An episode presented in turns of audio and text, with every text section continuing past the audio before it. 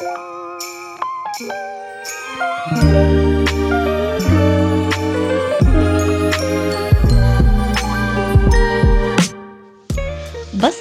محبة برنامج قصير بعناوين مختلفة من إعدادي وتقديمي الكاتبة والناشطة الفلسطينية ابنة يافا رشا بركات.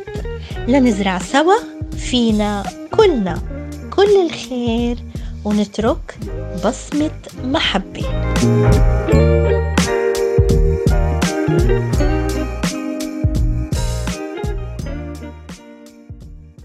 أهلا بكم أعزائي المتابعين متابعي كل برامج بودكاست حركة الشبيبة اليافية.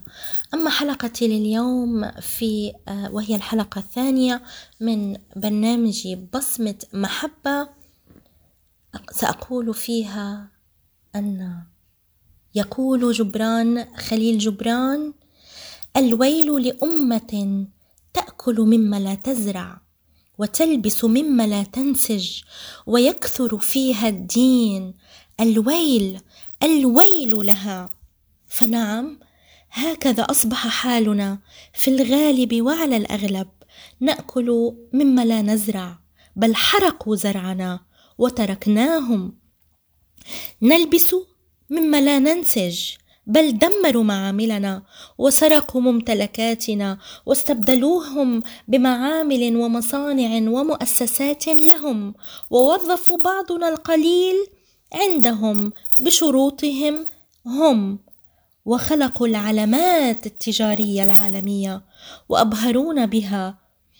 فصرنا نسارع ونتباهى بشرائها. ونسينا أنفسنا وصناعاتنا. أما الدين آه من الدين. فباسم الدين والأديان فتنوا بيننا وقسمونا إلى طوائف وملل.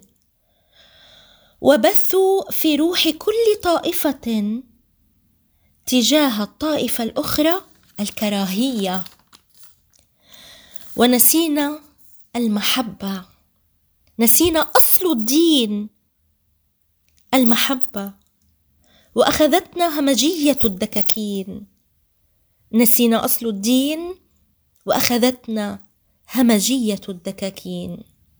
لا فلنعيد تفكيرنا بأنفسنا وبمجتمعاتنا لنغيرها إلى الأفضل. ولنبصم في حياتنا. بصمة محبة.